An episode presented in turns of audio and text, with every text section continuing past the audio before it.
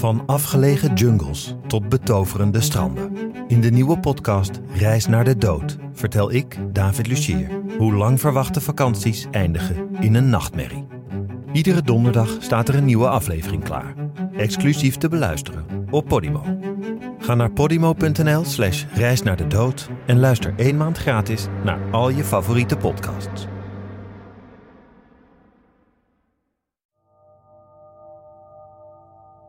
Moorden in het Noorden, aflevering 7. Jonna, Louisa en Jonas.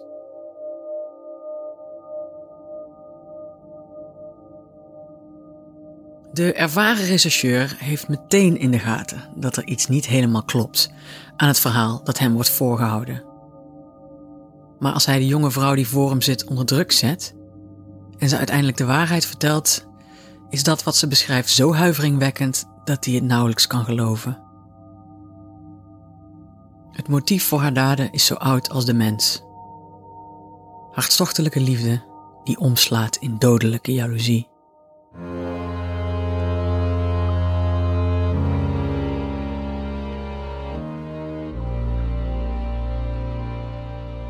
Je luistert naar Moorden in het Noorden, een podcastserie over de meest spraakmakende moordzaken in Scandinavië.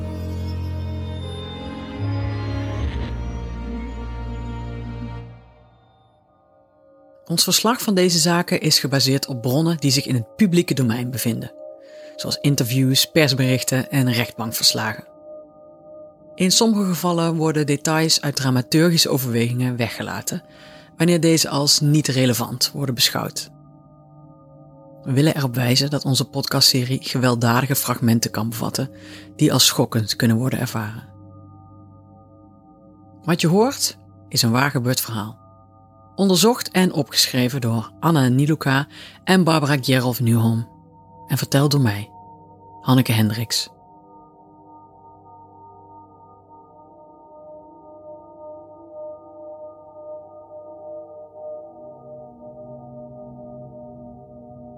Jonna heeft een handgeschreven briefje op Jonas' bureau gelegd. hey, ik ga ervan uit dat je niets van je laat horen omdat je je beslissing gemaakt hebt. Was hier om mijn spullen te halen. Die totaal gestoorde Louisa liet me binnen. Super dat je klaarblijkelijk alweer iemand anders hebt gevonden. Ik heb alles meegenomen wat je aan mij zou kunnen herinneren en je sleutel leg ik in de brievenbus. Ik hoop dat jij en Louisa gelukkig worden samen. Jullie lijken vrij veel op elkaar als jullie boos zijn. Ik zal altijd van je blijven houden, Jonas. Pas goed op jezelf. Jonna.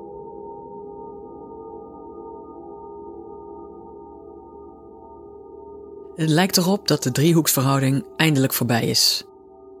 Een zware, jarenlange strijd om zijn liefde eindigt met een paar handgeschreven regels op een briefje. Maar één ding vraagt Jonas zich af. Waar is Louisa?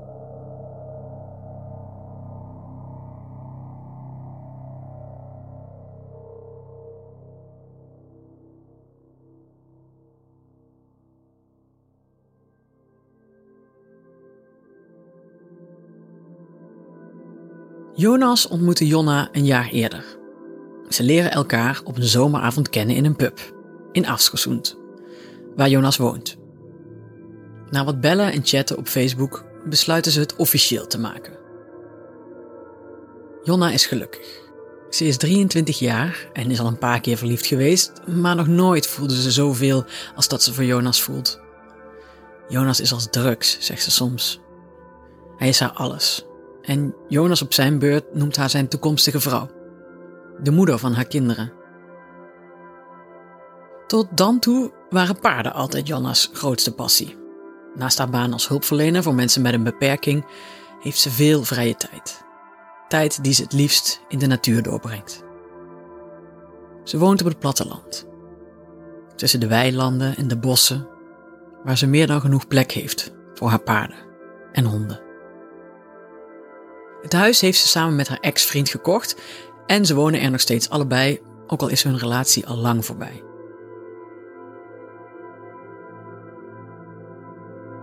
Na een paar onstuimige maanden is het alsof Jonas langzaam van haar weg beweegt. De winter is een aantocht. En Jonas lijkt steeds koeler en afstandelijker, totdat ze op een bepaald moment helemaal niets meer van hem hoort. Hij antwoordt niet op haar berichtjes, neemt niet op wanneer ze belt, en als ze met een kerstcadeau voor zijn deur staat, doet hij niet open. Voor Jonna begint 2014 met een gebroken hart. Ze probeert haar verdriet te dempen, met feestjes, een flirt hier en daar en veel alcohol. Maar dan wandelt Jonas plots weer haar leven binnen. Hij is aan de andere kant van de wereld, op vakantie in Thailand. Maar hij stuurt Jonna heel februari lang foto's en lieve berichten. Ze krijgt nieuwe hoop, maar wordt al gauw teleurgesteld. Als Jonas terug is in Askersund, is hij weer precies zo afstandelijk als voor kerst. En dan ontvriendt hij haar ook nog op Facebook. Duidelijk kan het niet. Maar Jonna is niet bereid hem nog een keer zo makkelijk en zonder verklaring uit haar leven te laten verdwijnen. Ze rijdt naar zijn huis en belt bij hem aan. Dit keer doet hij wel open en hij lijkt zelfs blij om haar te zien. Hij heeft haar gemist, zegt hij. En vraagt haar of ze binnen wil komen. Jonna en Jonas hebben een fijne avond samen op de bank. Ze kijken een film in elkaars armen, precies zoals vroeger. Jonna blijft zelfs slapen. De volgende dag gaat Jonna met een vriendin in de stad naar een feestje. Naarmate de avond vordert en het alcoholpeil stijgt, voelt ze hoe ze steeds meer naar Jonas getrokken wordt. Ze moet en zal naar hem terug. Het is al erg laat als ze weer voor zijn voordeur staat. Maar Jonas is dit keer allesbehalve blij dat ze onaangekondigd voor zijn neus staat. Wat moet ze hier? Wil hij weten. Jonna is dronken, verliefd en een beetje in de war. Hoe kan Jonas nou de ene dag zo lief en zachtaardig zijn en nou zo onderkoeld en zo boos? Binnen gaat Jonas' telefoon. Hij negeert het geluid, maar het stopt maar niet. Jonna loopt hem achterna als hij naar binnen gaat om de telefoon op te nemen. Ze kan zien dat hij wit wegtrekt als hij de telefoon opneemt en aan de andere kant van de lijn een woedende vrouwenstem hoort. Jonna hoort niet precies wat er wordt gezegd, maar het is duidelijk dat hij door een vrouw wordt uitgekafferd. De vrouw aan de andere kant van de lijn is Louisa. Ze is sinds haar kindertijd met Jonas bevriend. Maar wat Jonna niet weet, is dat ze inmiddels meer zijn dan vrienden.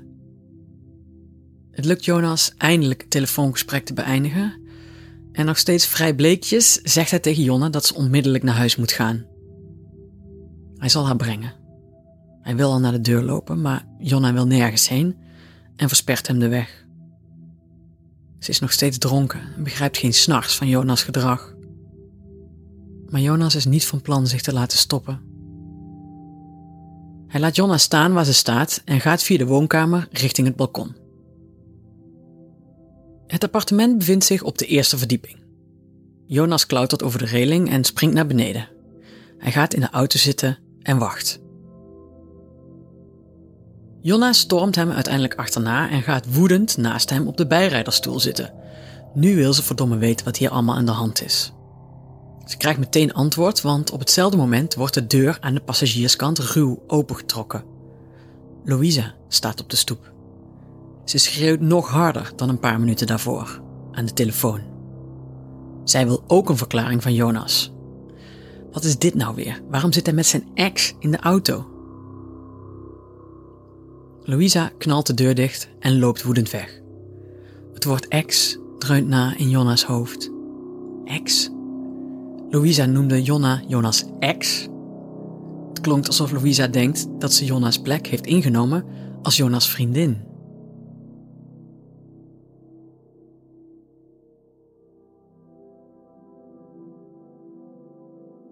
Tijdens de autorit zwijgt Jonas.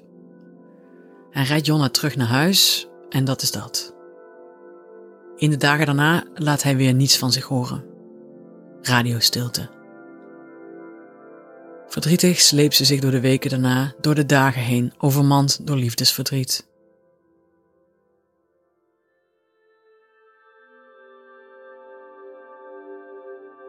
Maar dan duikt Jonas toch plotseling weer op. Het is april en de lente is in aantocht. Hij heeft geen contact meer met Louisa, beweert hij. En Jonna is opgelucht in plaats van ex weer zijn vriendin te zijn. Ze is blij dat alles weer is zoals het was. Het is net alsof ze nooit uit elkaar zijn geweest. Jonna brengt zoveel mogelijk tijd door met Jonas. Ze heeft nu zelfs een sleutel van zijn huis. Ze heeft nog steeds samen met haar ex-vriend het huis op het platteland, maar het lijkt er meer op alsof ze bij Jonas is ingetrokken. Maar begin mei duikt Louisa weer op in Jonas' leven. Jonna kan daar weinig tegen doen. Ze zit op dat moment met vriendinnen een weekje in Duitsland voor een bruiloft. Jonas stuurt haar dagelijks berichten vanuit Zweden. Maar Jonna ziet ook dat Louisa plotseling bovenaan zijn vriendenlijst op Snapchat staat. Dat betekent dat ze regelmatig berichten uitwisselen. Terwijl Jonas beweert dat hij al het contact met Louisa verbroken heeft.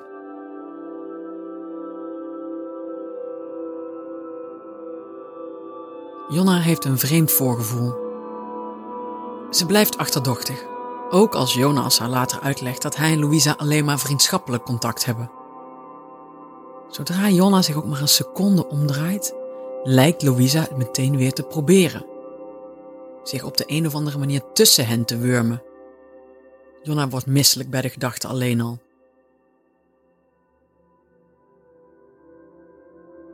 In de dagen die volgen voelt ze zich misselijk. En ze heeft een raar en vreemd gevoel in haar onderbuik. Na een tijdje kan ze het niet meer afschuiven op het grote bruiloftsfeest en die vele Duitse biertjes. Iets anders moet haar maag van streek maken. Ze is zwanger. Haar hoop dat Jonas dit fantastische nieuws liefdevol zal omarmen, wordt al gouden grond ingeboord. Jonas is helemaal niet blij, integendeel. Hij staat erop dat Jonne het kind laat weghalen. Hij is er niet klaar voor om vader te worden. Jonna weet ook niet zeker of het een goed idee is om nu een kind te krijgen. Ze is pas 24 en vindt het nog te vroeg voor een baby. Vooral omdat haar relatie met Jonas op dit moment een emotionele achtbaan is. Ooit zei hij nog dat Jonna de moeder van zijn kinderen zou worden, maar nu eist hij zonder enige aarzeling een abortus van haar. Met Jonas is het altijd wat. Ze vertelt hem wat hij graag wil horen: dat ze het kind heeft laten weghalen, maar dat is gelogen. Hun relatie wordt daar bepaald niet beter op. Jonas maakt het niet uit met Jonna, maar blijft toch de hele tijd met Louisa afspreken. Hij slaapt zelfs vaak bij haar, om vervolgens de dag daarna bij hem thuis Jonna uit te nodigen.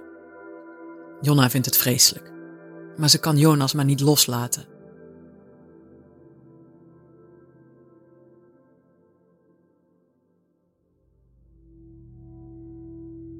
Het is al juni als deze ondraaglijke situatie zijn hoogtepunt bereikt tijdens een avond in de kroeg. Jonas is op stap met een paar collega's, als eerst Jonna en vervolgens Louisa de kroeg komen binnenlopen. Jonas is al behoorlijk dronken en staat plots tussen twee vrouwen, die afwisselend tegen hem schreeuwen en van hem eisen dat hij nu eindelijk een keuze maakt. Hij is totaal overweldigd. Maar zowel Jonna als Louisa weigeren te vertrekken. Ze blijven, totdat de hele groep besluit ergens anders heen te gaan. Op straat moet Jonna overgeven. Ze verontschuldigt zich en vertelt een van Jonas' collega's dat ze zwanger is. Als Jonas dat hoort, wordt hij woedend. Ze had hem toch beloofd dat ze het kind zou weg laten halen? De ruzie leidt weer op. Zeker als Louisa zich er tegenaan begint te bemoeien. Ze gaan weer verder waar ze gebleven waren. De vrouwen willen dat Jonas kiest. Maar Jonas heeft helemaal geen zin om te kiezen. Hij laat beide vrouwen voor wat ze zijn en trekt samen met zijn collega's de nacht in.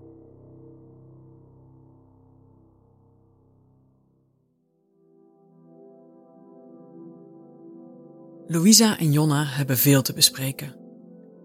Ze gaan in Louisa's auto zitten en praten bijna een uur lang. Al snel is het duidelijk dat Jonas hen allebei dezelfde verhalen op de mouw heeft gespeld. Het kan zo niet verder gaan. Daar zijn de twee vrouwen het over eens. Jonas is tot dezelfde conclusie gekomen, want na een paar uur belt hij Jonna en Louisa allebei op. Of ze naar zijn appartement willen komen, om te praten. Maar ook de derde poging die nacht, om hem tot een besluit te dwingen, mislukt. Jonas is dronken en het gesprek leidt nergens toe. Louisa geeft het op en rijdt vol frustratie naar huis. Jonna daarentegen blijft bij Jonas.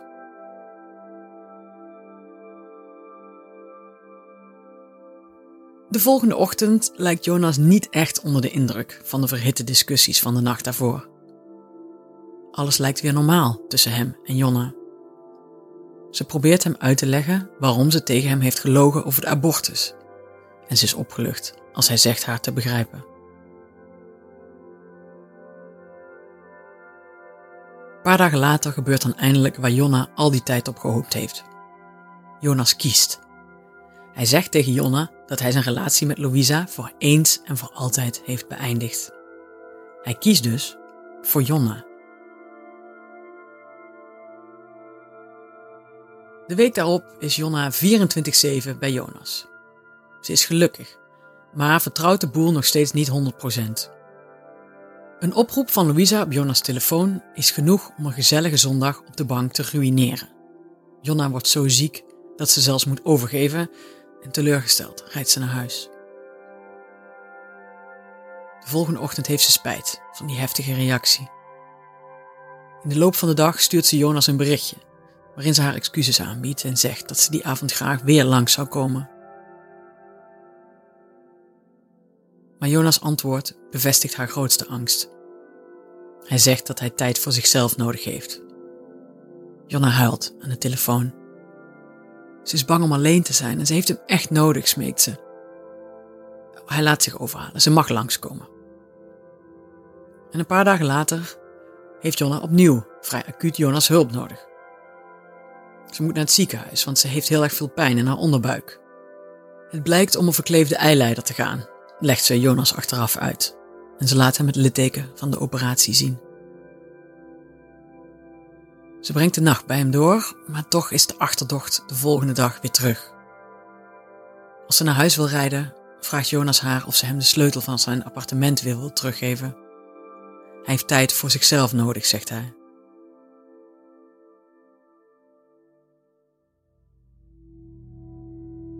Wil je met Louisa samen zijn? vraagt ze hem. Jonas ontkent, maar Jonna kan die gedachte toch niet van zich afschudden. Tuurlijk wil ze hem ruimte geven en tijd voor zichzelf, maar het lijkt alsof er meer aan de hand is, ook omdat hij zijn sleutel terug wil. Jonna is ervan overtuigd dat Louisa opnieuw zal proberen tussen hen beiden te komen. De dagen die volgen zijn de hel voor Jonna. Ze kan niet slapen en als ze niet op social media zit om de profielen van haar rivalen te checken, moet ze de hele tijd of huilen of overgeven. Het is alweer zomer. Er is een jaar verstreken sinds Jonna Jonas leerde kennen in de pub. Een jaar dat het gelukkige, open en geliefde meisje dat van natuur en paarden houdt, heeft veranderd in een emotioneel wrak.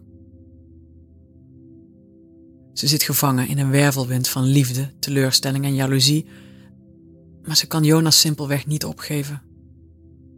Ze voelt zich net een junkie en haar drugs is Jonas. Vier dagen lang huilt ze, zonder te slapen. En dan realiseert ze zich ineens dat ze iets moet doen. De zon is net op als Jonna op woensdag 18 juni van huis wegrijdt. Rond de klok van vijf komt ze aan bij Louisa's adres. Ze zoekt naar haar auto, maar die staat er niet. Dan rijdt Jonna verder, naar de wijk waar Jonas woont. En daar ziet ze Louisa's auto staan. Jonna's grootste angst lijkt waarheid te worden. Ze blijft in de auto zitten, haar blik strak op de woning gericht, die tot voor kort nog voelde als haar thuis. Jonas zal zo wel opstaan, zegt ze, want om zes uur begint hij met werken. Eigenlijk zou Jonna degene moeten zijn die hem bij de deur een afscheidskus geeft. Maar nu heeft Louisa haar plaats ingenomen. Jonna stapt uit en ijsbeert heen en weer tussen Jonas' voordeur en haar auto. Dan haalt ze een tas uit de auto en gaat het huis binnen. Ze staat onderaan de trap, zodat ze de deur van Jonas' appartement goed in de gaten kan houden. Ze is er klaar voor.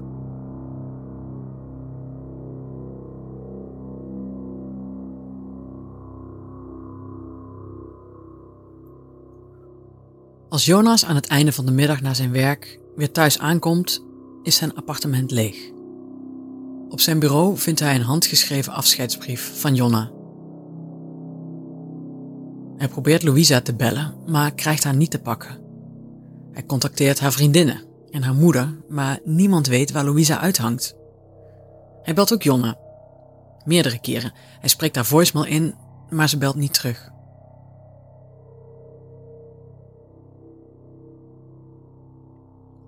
Jonna luistert Jonas voicemailberichten af, maar ze negeert zijn telefoontjes. Ze wil hem niet spreken.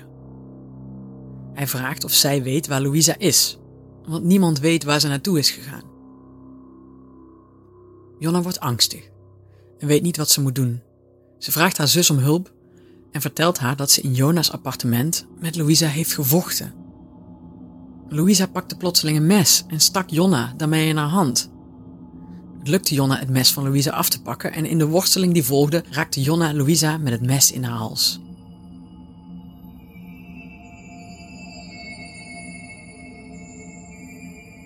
Het was een ongeluk, zegt Jonna stellig. Ze was in paniek en vluchtte. Maar al gauw had ze spijt dat ze weggelopen was. Toen is ze teruggegaan naar het appartement om te kijken of het wel goed ging met Louisa. Maar ze was weg en iemand had in de tussentijd de woning opgeruimd en schoongemaakt.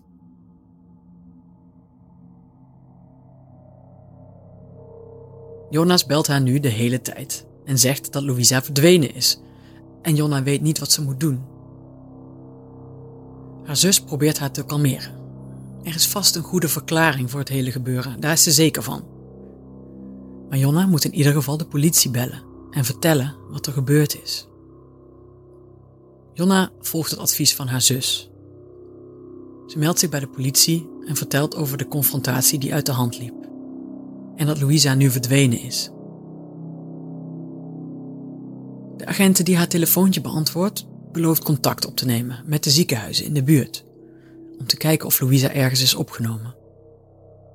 Maar een paar uur later, in de nacht van 18 op 19 juni, wordt Jonna door de politie ondervraagd.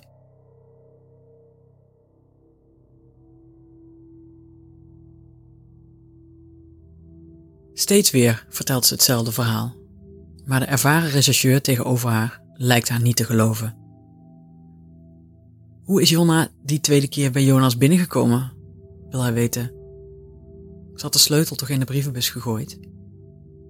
Jonna geeft verschillende tegenstrijdige verklaringen. Haar verhaal wordt steeds warriger en de rechercheur begint langzaam zijn geduld te verliezen.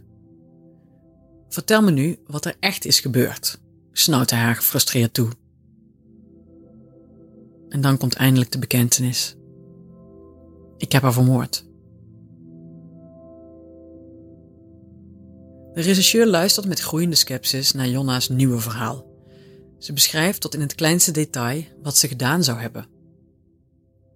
De rechercheur weet uit ervaring dat de meest huiveringwekkende verhalen op waarheid kunnen berusten, maar hij kan nauwelijks geloven wat de jonge vrouw hem nu vertelt. Diep in de nacht arriveert de rechercheur op de plek in het bos die Jonna hem beschreef.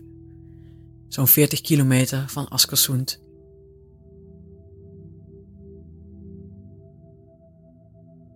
Pas als hij een hand tussen het mos en de takken uit ziet steken, wordt het hem duidelijk dat het echt zo is gegaan zoals Jonna hem heeft verteld. Haar vreselijke verhaal is de waarheid.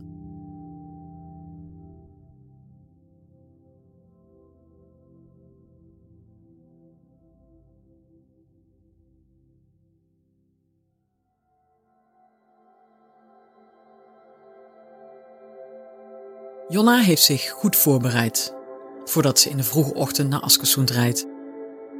Haar vragen leveren veel hits op. Hoe kun je iemand drogeren?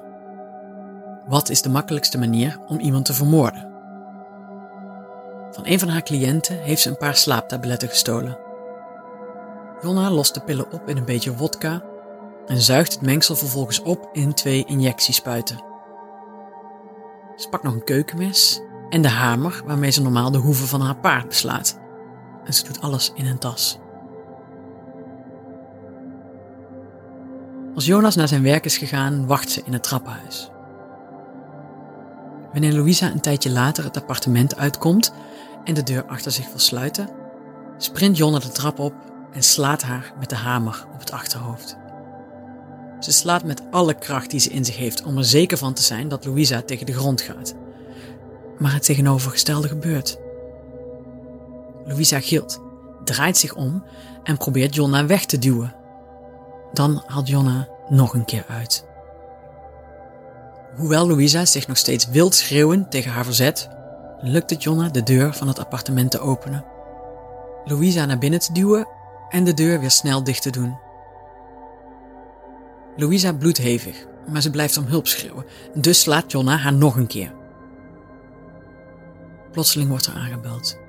Niet één keer, maar onophoudelijk, en na een tijdje wordt hij hard op de deur gebonst. Jonna sleept Louisa naar de badkamer, pakt een handdoek en drukt die stevig op haar gezicht, totdat ze eindelijk kalmeert. Maar het duurt niet lang voordat ze toch weer begint te schreeuwen en om zich heen te schoppen en te slaan. De deurbel blijft maar gaan. Jonna moet iets doen. Ze pakt de injectiespuiten en probeert er een in Louisa's arm te zetten, maar raakt haar hals. Louisa stribbelt zo heftig tegen dat de spuit op de grond in stukken valt. Alles gaat mis. Dan haalt Jonna het keukenmes uit de tas. Ze steekt, meerdere keren. Maar Louisa wil maar niet rustig worden. Het mes blijkt bot te zijn. Jonna rent snel naar de woonkamer en haalt Jona's zakmes uit de bureaula. Weer buigt ze zich over Louisa heen en ze steekt haar, dit keer in de hals. Eindelijk is Louisa stil. Het aanbellen stopt. Louisa is dood.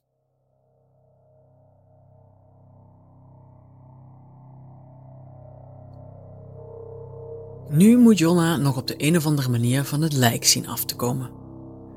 Ze rent naar haar auto en haalt een grote IKEA-tas. Terug in het appartement realiseert ze zich al snel dat ze de dode Louisa niet kan dragen. Ze moet een oplossing bedenken, voordat Jonas terugkomt van zijn werk. Het valt Jonna nu pas op dat haar hand bloedt. De wond is diep. In een ladekastje vindt ze pleisters. En ze verzorgt de wond zo goed en zo kwaad als ze kan, terwijl ze haar volgende stappen uitdenkt.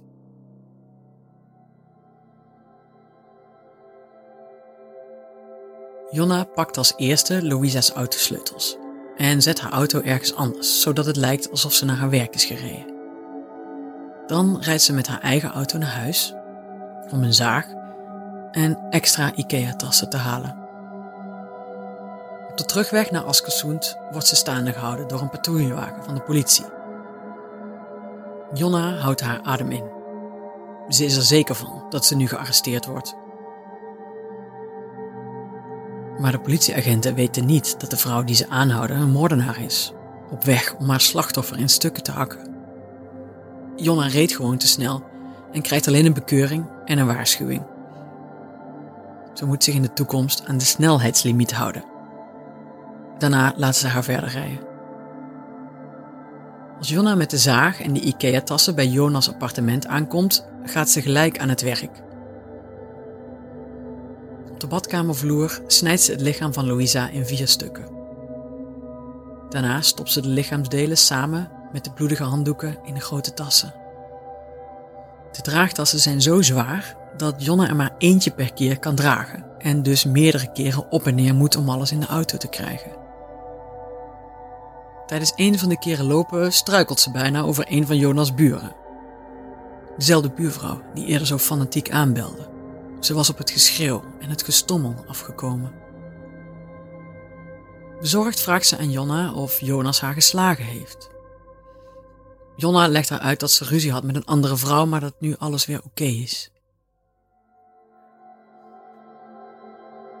Terug in het appartement probeert ze alles weer in orde te brengen.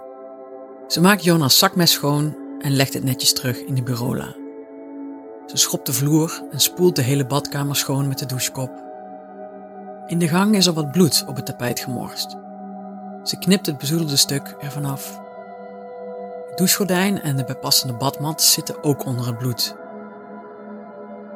Ze pakt alles in en laat het, samen met Louisa's rugzak, in een IKEA-tas verdwijnen. Super dat je klaarblijkelijk alweer iemand anders hebt gevonden, schrijft ze op een briefje dat ze voor Jonas op het bureau achterlaat.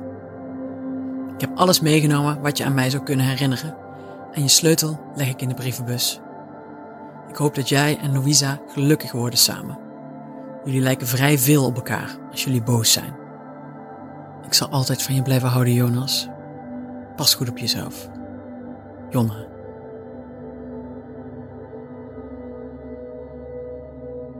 Het is even na tweeën en Jonne is al tien uur op de been. Over minder dan een uur moet ze op haar werk zijn. Toch rijdt ze nog even snel met haar auto naar de parkeerplaats van een supermarkt. Dan haalt ze Louisa's auto op en rijdt daarmee naar haar werk. Ze doet haar best niets te laten merken als ze bij haar cliënt aankomt. Maar de collega die ze moet aflossen heeft meteen door dat er iets niet helemaal in de haak is. Jonna's hand bloedt nog steeds door de provisorisch geplakte pleister heen. Jonna legt hem uit dat zij en haar vriend uit elkaar zijn en dat toen ze haar sleutel wilde afgeven en haar spullen wilde ophalen, ze ineens oog in oog stond met zijn nieuwe vriendin. Dat ze ruzie kregen met elkaar. Het werd vechten zelfs en toen had die nieuwe vriendin Jonna in haar hand gestoken. De collega is geschokt en staat erop dat Jonna een dokter naar haar hand laat kijken. Ze moet immers toch tijdens haar dienst een cliënt naar het ziekenhuis begeleiden. Dan kan ze dan net zo goed met elkaar combineren.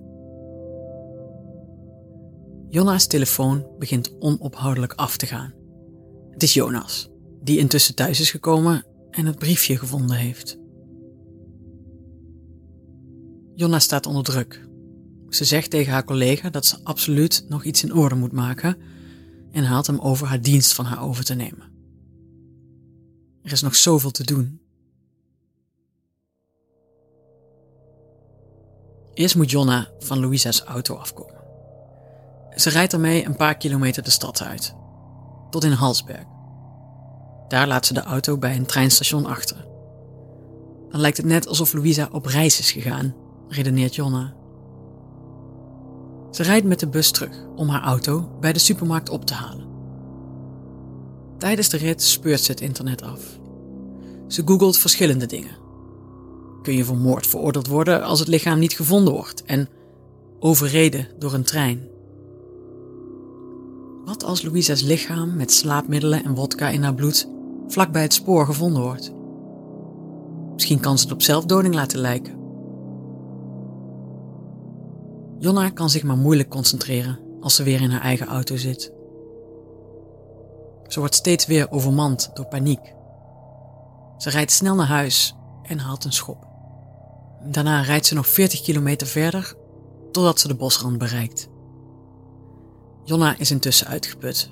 Het lukt haar een klein gat te graven, waar ze het keukenmes en de hamer ingooit. Het blijkt onmogelijk de grote draagtassen te begraven. Ze sleept de tassen het bos in en bedekt ze met wat takken en mos. Ze doet niet eens meer een poging de tassen met de doorweekte handdoeken te verstoppen. Ze gooit ze gewoon ergens tussen de bomen. Even lijkt het alsof het haar is gelukt. Het was allemaal zoveel zwaarder dan hoe ze het zich had voorgesteld, maar ze heeft het overleefd.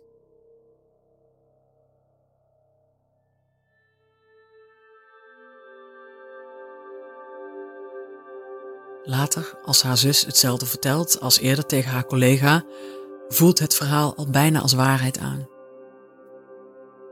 Maar een paar uur later zal ze alles bekennen aan een rechercheur. Het duurt een klein jaar voordat de zaak in het voorjaar van 2015 voor de rechtbank komt. Jonna ontkent Louisa opzettelijk gedood te hebben. Ze beweert dat ze Louisa alleen maar op het hart wilde drukken bij Jonna vandaan te blijven. Het bewijsmateriaal wijst echter in een hele andere richting. De verklaringen van Jonas en van Jonna's ex-vriendjes schetsen haar als een extreem bezitterig persoon. Het meegebrachte mes, de injectiespuiten met wodka en slaapmiddelen, het wijst allemaal op een gedegen voorbereiding. Jonna's onderzoekspogingen op het internet en alle moeite die ze heeft gedaan haar daden achteraf te verdoezelen, leidden in de rechtbank tot de conclusie dat de moord wel degelijk met voorbedacht te raden was.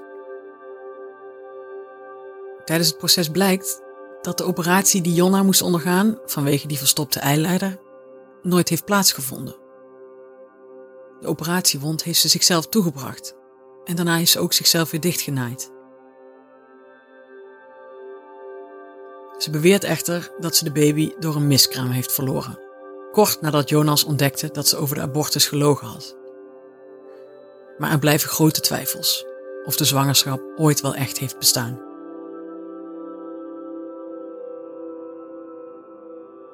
Jonna Henningson wordt wegens de moord op de 22-jarige Louisa en wegens lijkskennis tot een levenslange gevangenisstraf veroordeeld. Het is de zwaarste straf mogelijk.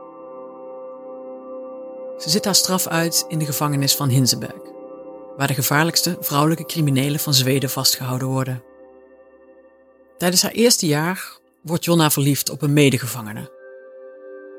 Als haar gevoelens niet beantwoord worden, maakt de vrouw op wie ze haar pijlen heeft gericht al snel melding van Jonna's dreigende en agressieve gedrag. Voor haar eigen veiligheid wordt de vrouw naar een ander detentiecentrum overgeplaatst. Maar Jonna is niet van plan haar avances te stoppen. Ze schrijft stapels brieven en dreigt iemand op het kleine broertje van de vrouw af te sturen. Pas als de autoriteiten een contactverbod uitvaardigen, onder dreiging van verhoogde straffen, stopt Jonna met het stalken van de vrouw.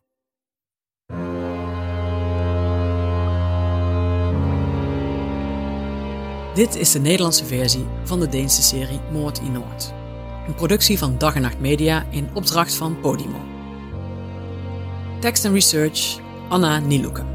Vertaling Lotte Lentes. Ingesproken door Anneke Hendricks. Montage en mixage door Jeroen Sturing. Productie door Anne Janssens namens Dag en Nacht Media.